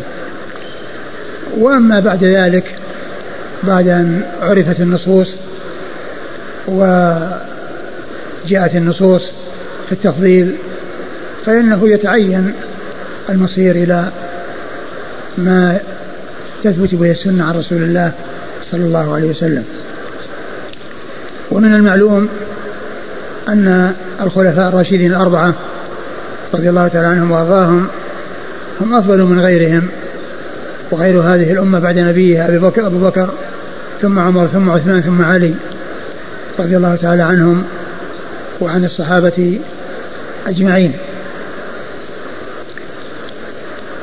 وترتيبهم في الفضل كترتيبهم بالخلافة والخلافة ترتيبهم فيها أبو بكر ثم عمر ثم عثمان ثم علي. هذا هو الذي تم وهذا هو الذي وقع وخلافتهم وهم جميعا خلفاء راشدون بنص حديث الرسول صلى الله عليه وسلم بقوله فعليكم بسنتي وسنة الخلفاء الراشدين المهديين بعدي تمسكوا بها وعضوا عليها بالنواجذ وإياكم محدثات الأمور فإن كل محدثة بدعة وكل بدعة ضلالة وخلافتهم خلافة نبوة كما جاء ذلك في الحديث عن رسول الله صلى الله عليه وسلم حيث قال خلافة النبوة بعد ثلاثون سنة ثم يؤتي الله ملكه من يشاء. فأهل السنة والجماعة متفقون على أن ترتيب الخلفاء بالخلافة هو هذا الترتيب الذي وقع والذي حصل ومن اعترض عليه أو تكلم فيه أو قدح فيه فقد قدح بما حصل من أصحاب رسول الله عليه الصلاة والسلام الذين هم خير هذه الأمة والذين هم أحرص الناس على كل خير وأسبق الناس إلى كل خير رضي الله تعالى عنهم وأرضاهم. وأما بالنسبة للتفضيل فأبو بكر ثم عمر ثم عثمان. وتقديم عثمان على علي هو المشهور عند أهل السنة والجماعة وهو قول جمهورهم وقد جاء عن بعض أهل السنة والجماعة أن عليا أفضل من عثمان. ولكن الذين يقولون بتفضيل علي على عثمان لا يقولون بأنه حق منه بالخلافة وأنه أولى منه بالخلافة لأنه كما جاء عن بعض السلف من قدم عليا على عثمان فقد أزرى بالمهاجرين والأنصار يعني كونه يقدم في الخلافة أو رأى أنه أولى حق بالخلافة. لأن هذا اعتراض على ما حصل منهم وعلى ما جرى منهم من تقديم عثمان على علي رضي الله تعالى عن الجميع. بعض أهل السنة قال إن عليا أفضل من عثمان ولكن ما قال إنه أحق منه بالخلافة لأن الخلافة وترتيب بالخلافة هذا متفق عليه بين أهل السنة وإنما الخلاف فيما يتعلق بالتفضيل. ومن المعلوم أنه حتى على هذا القول الذي يعني قاله بعض أهل السنة من أن عليا أفضل يعني يجوز تولية الفاضل مع المفضول مع وجود الفاضل. تولية المفضول مع وجود الفاضل هذا سائر وجائز. لكن القول الذي يعني عليه أهل السنة أو جمهور أهل السنة أو الذي استقر عليه قول أهل السنة أن عثمان رضي الله عنه أفضل من علي وأن ترتيبهم في الفضل كترتيبهم بالخلافة وقد ذكر الشيخ الإسلام ابن تيمية في العقيدة الواسطية أن مسألة تقديم عثمان على علي أو علي على عثمان ليست من المسائل التي يبدع فيها والتي يكون من قال بها يعتبر من أهل البدع فإنه قال فيها جماعة من أهل السنة وإن كان القول الصحيح هو خلاف ذلك القول وإنما هو القول القول الذي عليه جمهور أهل السنة وهو تقديم عثمان على علي رضي الله تعالى عنه عنهم وعن الصحابة أجمعين في الفضل. يقول عبد الله بن عمر كنا لا نعدل بأبي بكر أحدا يعني ما نقدم عليه أحدا ولا نسوي به أحدا بل هو مقدم على غيره بل هو مقدم على غيره. ومعلوم أن النصوص الكثيرة جاءت في بيان فضله وبيان عظيم قدره ومنزلته ومن أوضحها وأشهرها الحديث الذي رواه جندب بن عبد الله البجلي وهو في صحيح مسلم قال عليه الصلاة والسلام لو كنت قال قال جندب سمعت رسول الله صلى الله عليه وسلم قبل أن يموت بخمس يقول إني أبرأ إلى الله أن يكون لي منكم خليل فإن الله اتخذني خليلا كما اتخذ إبراهيم خليلا ولو كنت متخذا من أمتي خليلا لاتخذت أبا بكر خليلا. فقد أخبر عليه الصلاة والسلام عن أمر لا يكون. ان لو كان كيف يكون؟ أخبر عن أمر لا يكون وهو كونه يتخذ خليلا من أمته وأخبر أنه لو كان هذا الذي لا يكون فإن الذي يكون أحق به والذي يظفر به أبو بكر الصديق رضي الله تعالى عنه وأرضاه. وهذا يدل على فضله وعلى تقدمه على غيره وتميزه على غيره.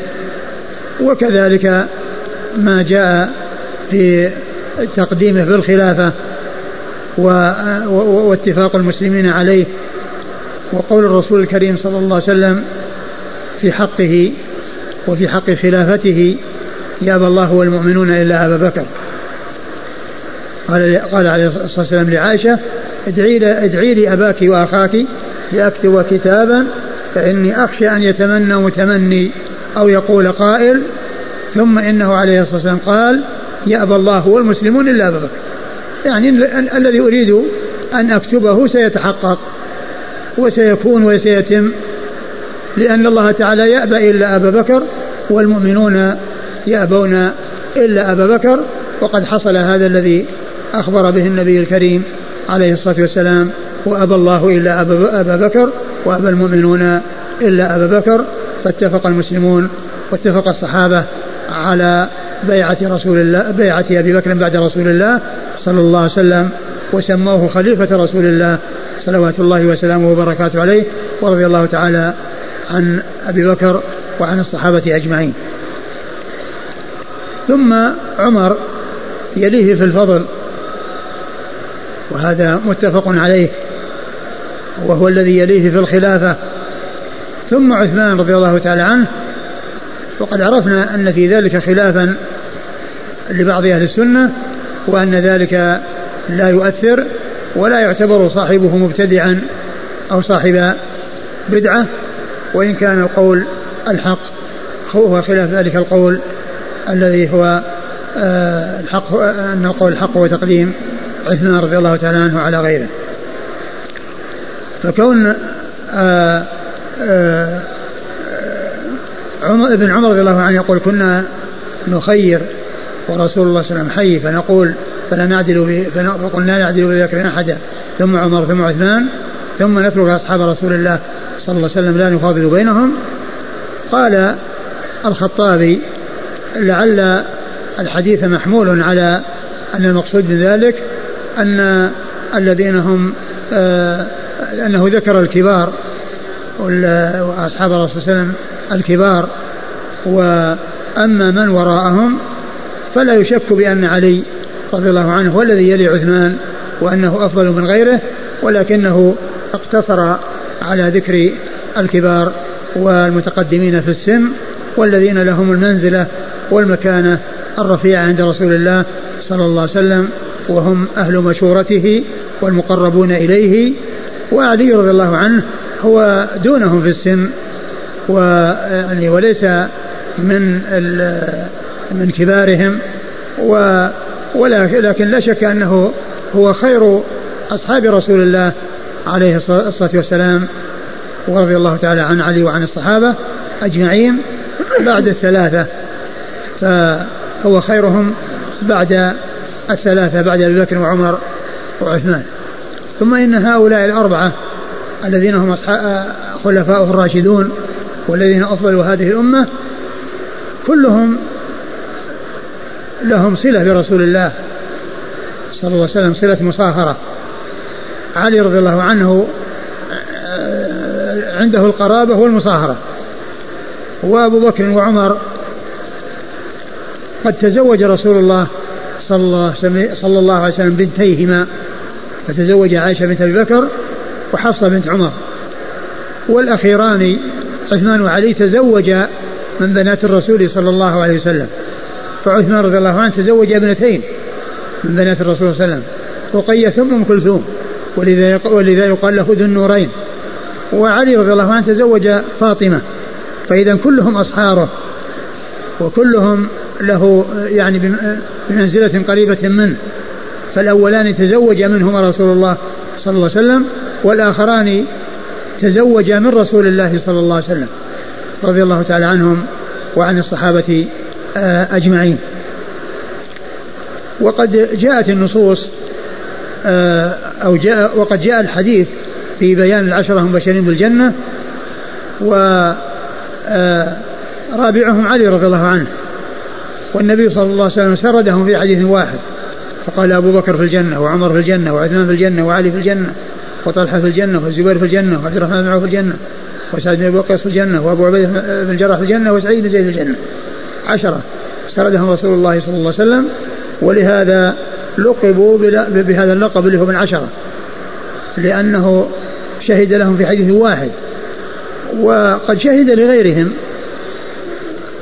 في أحاديث متعددة وبمناسبات مختلفة لكن هؤلاء اشتهروا بهذا اللقب لأنهم شهد لهم بالجنة في حديث واحد وسردهم النبي عليه الصلاة والسلام. وأما غيرهم فجاءت الشهادة له في مناسبات. كما جاء في الحسن والحسين شهد شباب أهل الجنة وجاء في حديث في قصة عكاشة بن محصن وجاء وكذلك ثابت بن قيس بن شماس وكذلك بلال وغيرهم من أصحاب رسول الله عليه الصلاة والسلام الذين جاءت الشهادة لهم بالجنة من رسول الله صلى الله عليه وسلم في أحاديث متعددة.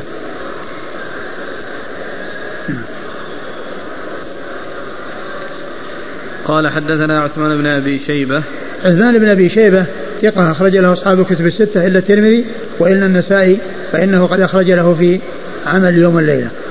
عن أسود بن عامر عن أسود بن عامر وهو ثقة أخرج له أصحاب الكتب الستة. عن عبد العزيز بن أبي سلمة. عبد العزيز بن أبي سلمة الماجشون وهو ثقة أخرج له أصحاب الكتب الستة. عن عبيد الله. عن عبيد الله ابن عمر بن حفص بن عاصم بن عمر العمري المصغر وهو ثقة أخرج له أصحاب الكتب الستة. عن نافع. عن نافع مولى بن عمر وهو ثقة أخرج له أصحاب الكتب الستة. عن عبد الله بن عمر رضي الله تعالى عنهما الصحابي الجليل وهو أحد آه، العبادلة الأربعة من الصحابة وأحد السبعة المعروفين بكثرة الحديث عن النبي صلى الله عليه وسلم الأخ يقول ما معنى قولكم خلافة هؤلاء خلافة نبوة يعني أنهم جاءوا آه، بعد النبي صلى الله عليه وسلم وأنهم خلفاؤه وقد آه، جاء الحث على اتباع سنتهم وبعد ذلك تكون ملكا كما جاء في الحديث وبعد ذلك يؤتي الله ملكه من يشاء. يعني معنى ذلك أن خلفاء الراشدون الذين جاءوا بعده مباشرة ومدتهم ثلاثون سنة أبو بكر له سنتان وأشهر وعمر له عشر سنوات وأشهر وعثمان اثنى عشر سنة وأشهر وعلي رضي الله عنه قريب من خمس سنوات وهي ثلاثون سنة خلافتهم خلافة نبوة يعني أنهم جاءوا بعد النبي صلى الله عليه وسلم وكانوا خلفاء له جاءوا بعده وقاموا بالأمر بعده خير قيام. ذكر شيخ الإسلام في العقيدة الواسطية أن رأي أهل السنة استقر على تفضيل عثمان على علي. نعم هذا هو هذا هو المشهور الذي آه، يعني جاء عن عن بعض العلماء. ولكن مشهور يعني أن قضية أن بعضهم يعني كان يذكر في تراجمهم أنهم يقولون بتفضيل علي وأن بعض العلماء يعني آه، يقدح فيهم يعني لذلك أو أنه يذكرهم في من تكلم فيه يعني بسبب ذلك مثل ما ذكر ذلك الذهبي في كتابه الميزان في ترجمة عبد الرحمن بن أبي حاتم الإمام ابن الإمام فإنه أورده في كتابه الميزان ليدافع عنه. والذهبي رحمه الله ذكر أنه يذكر في كتابه الميزان في نقد الرجال ميزان الاعتدال في نقد الرجال أناسا ليسوا مجروحين ولكنه يذكرهم ليدافع عنهم في آه، يعني آه، شيء أضيف إليهم وهم من كبار المحدثين ومنه ابن أبي حاتم فإنه قال في ترجمته أورده أبو الفضل السليماني في كتابه الضعفاء وبئس ما صنع.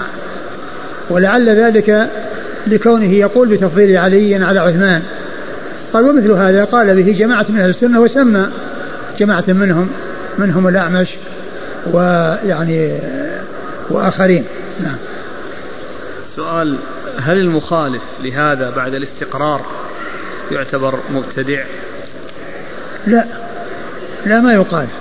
لأن شيخ الإسلام ابن تيمية هو في القرن الثامن وهو وهو وهو يقول إنه لا يبدع. يعني من يقول بذلك.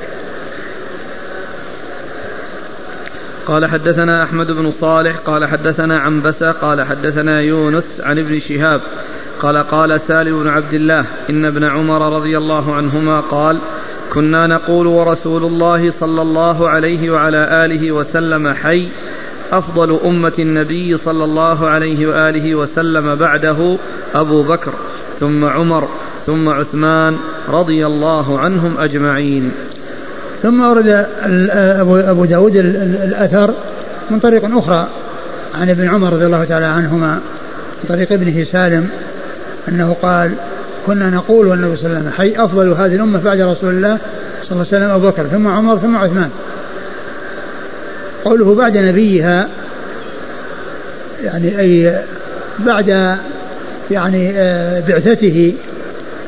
وليس معنى ذلك أن أنهم يفضلون على أحد الأنبياء بل الأنبياء أفضل من جميع آه، من جميع البشر أفضل من غيرهم.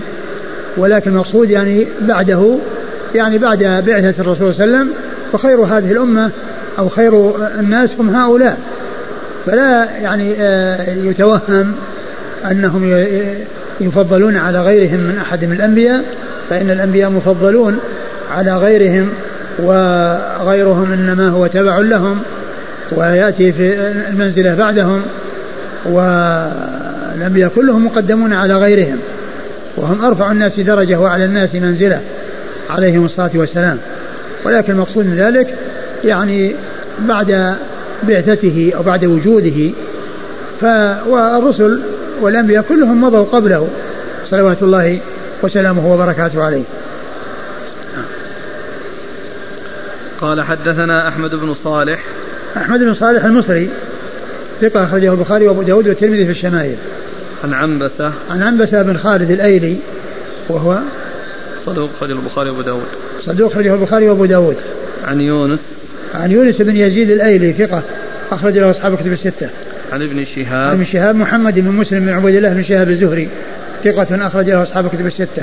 عن سالم. عن سالم بن عبد الله بن عمر وهو ثقة فقيه وهو أحد فقهاء المدينة السبعة في عصر التابعين على أحد الأقوال الثلاثة في السابع منهم وحديثه أخرجه أصحاب كتب الستة. عن أبيه عبد الله بن عمر رضي الله عنهما وقد مر ذكره.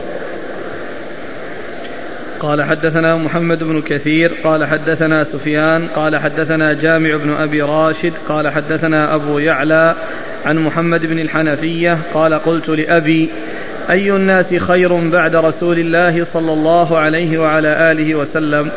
قال أبو بكر. قال قلت ثم من؟ قال ثم عمر. قال ثم خشيت أن أقول ثم من؟ فيقول عثمان. فقلت ثم أنت يا ابت قال ما أنا إلا رجل من المسلمين. ثم ورد أبو داود هذا الأثر عن علي رضي الله عنه أنه سأله ابنه محمد بن علي المشهور بن الحنفية من خير الناس؟ فقال أبو بكر قلت ثم من؟ قال عمر. وخشيت أن يقول عثمان فقلت ثم أنت؟ قال ما أنا إلا رجل من المسلمين.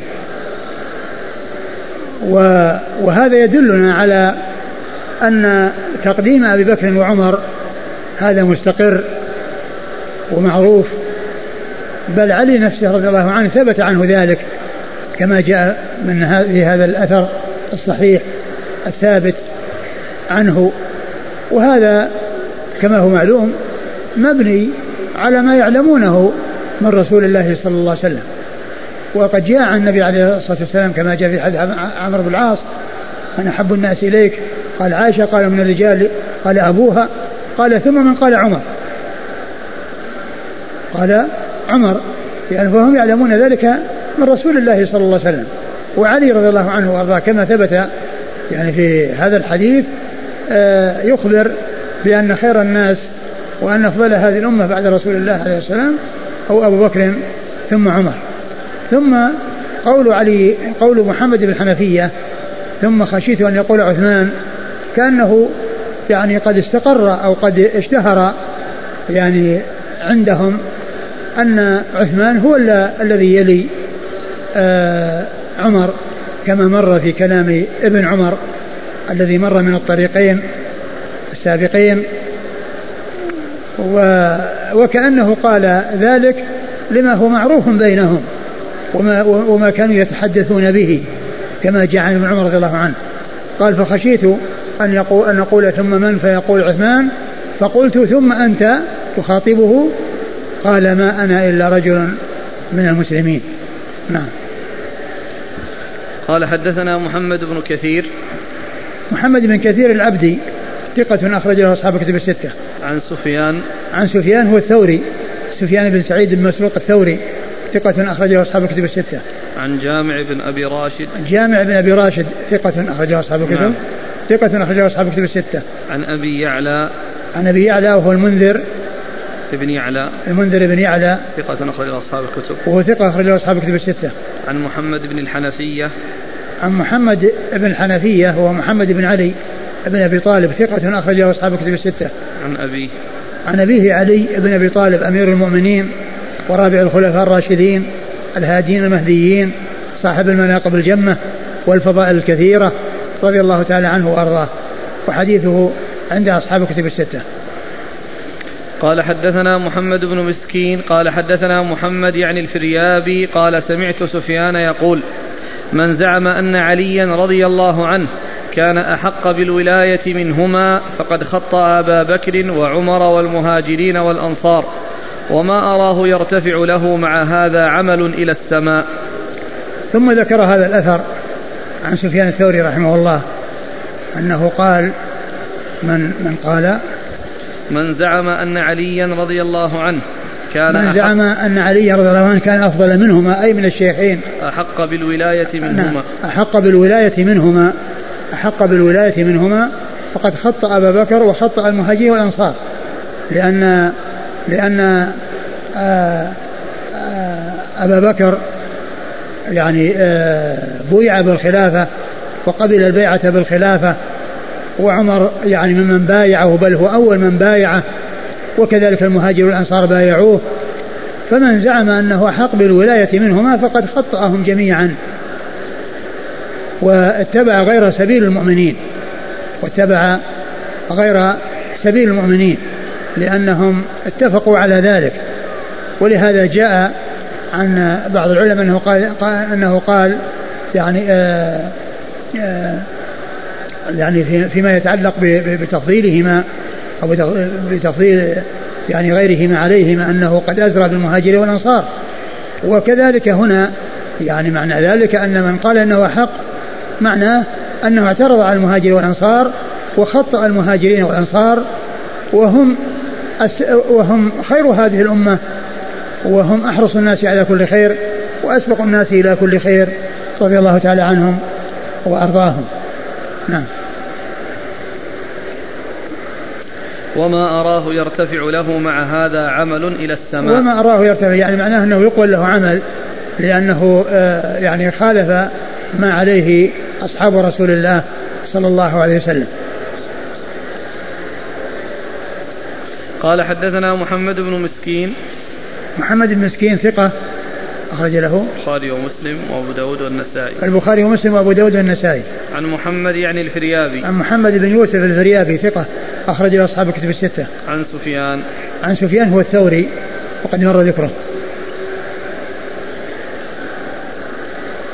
قال حدثنا محمد بن يحيى بن فارس قال حدثنا قبيصة قال حدثنا عباد السماك قال سمعت سفيان الثوري يقول الخلفاء خمسة أبو بكر وعمر وعثمان وعلي رضي الله عنهم وعمر بن عبد العزيز.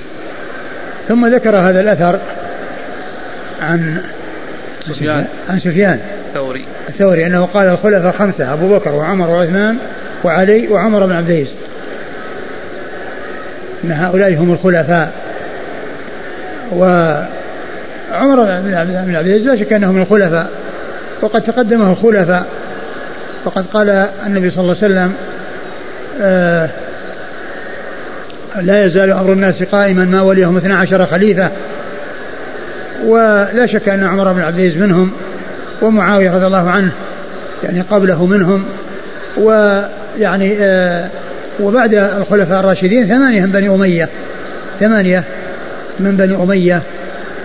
يعني ف آه وكلهم وصفوا بأنهم خلفاء والنبي صلى الله عليه وسلم وصف بأن وصفهم بأنهم خلفاء.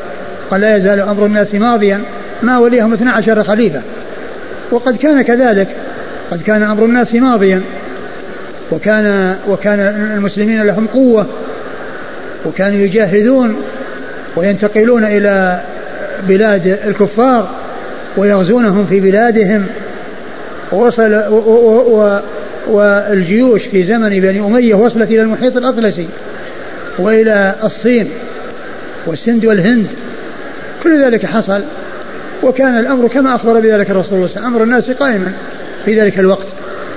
أمر الناس قائما يعني في ذلك الوقت والجهاد قائم والقوة للمسلمين والتغلب لهم على أعدائهم. وهم يغزونهم في بلادهم ويخرجونهم من الظلمات إلى النور ويهدونهم إلى الصراط المستقيم ويبصرونهم بالدين. و, و ولم يأتي بعد الخلفاء الراشدين من الولاة من الملوك أو الخلفاء مثل معاوية رضي الله عنه لأنه صحابي والصحابة أفضل من غيرهم. أي واحد من الصحابة أفضل من أي واحد من التابعين. وقد قال عليه الصلاة والسلام خير الناس قرني ثم الذين يلونهم ثم الذين يلونهم. فالصحابة خير من التابعين. وكل واحد من الصحابة يعتبر أفضل من أي واحد من التابعين. فالصحابة لهم ميزة على غيرهم وعمر بن عبد العزيز من التابعين. ومعاوية خير منه وأفضل منه وأفضل من كل تابعي. ومن كل من جاء بعده. لأن أصحاب رسول الله صلى الله عليه وسلم رضي الله عنهم متميزون على غيرهم ومفضلون على غيرهم. وهذا الأثر الذي جاء عن سفيان غير صحيح لأن في سنده آه، السماك شو اسمه؟ عباد نعم. عباد عباد السماك وهو مجهول. وهو مجهول. فهو غير ثابت هذا الأثر. نعم. قال حدثنا محمد بن يحيى بن فارس. محمد بن يحيى بن فارس الذهلي ثقة أخرجه البخاري وأصحاب السنن. عن قبيصة. عن قبيصة بن عقبة وهو صدوق ربما خالف أخرجه أصحاب الكتب. صدوق ربما خالف أخرجه أصحاب الكتب الستة. عن عباد السماك. عن عباد السماك وهو مجهول أخرجه له أبو داود. عن سفيان الثوري. عن سفيان الثوري وقد مر ذكره.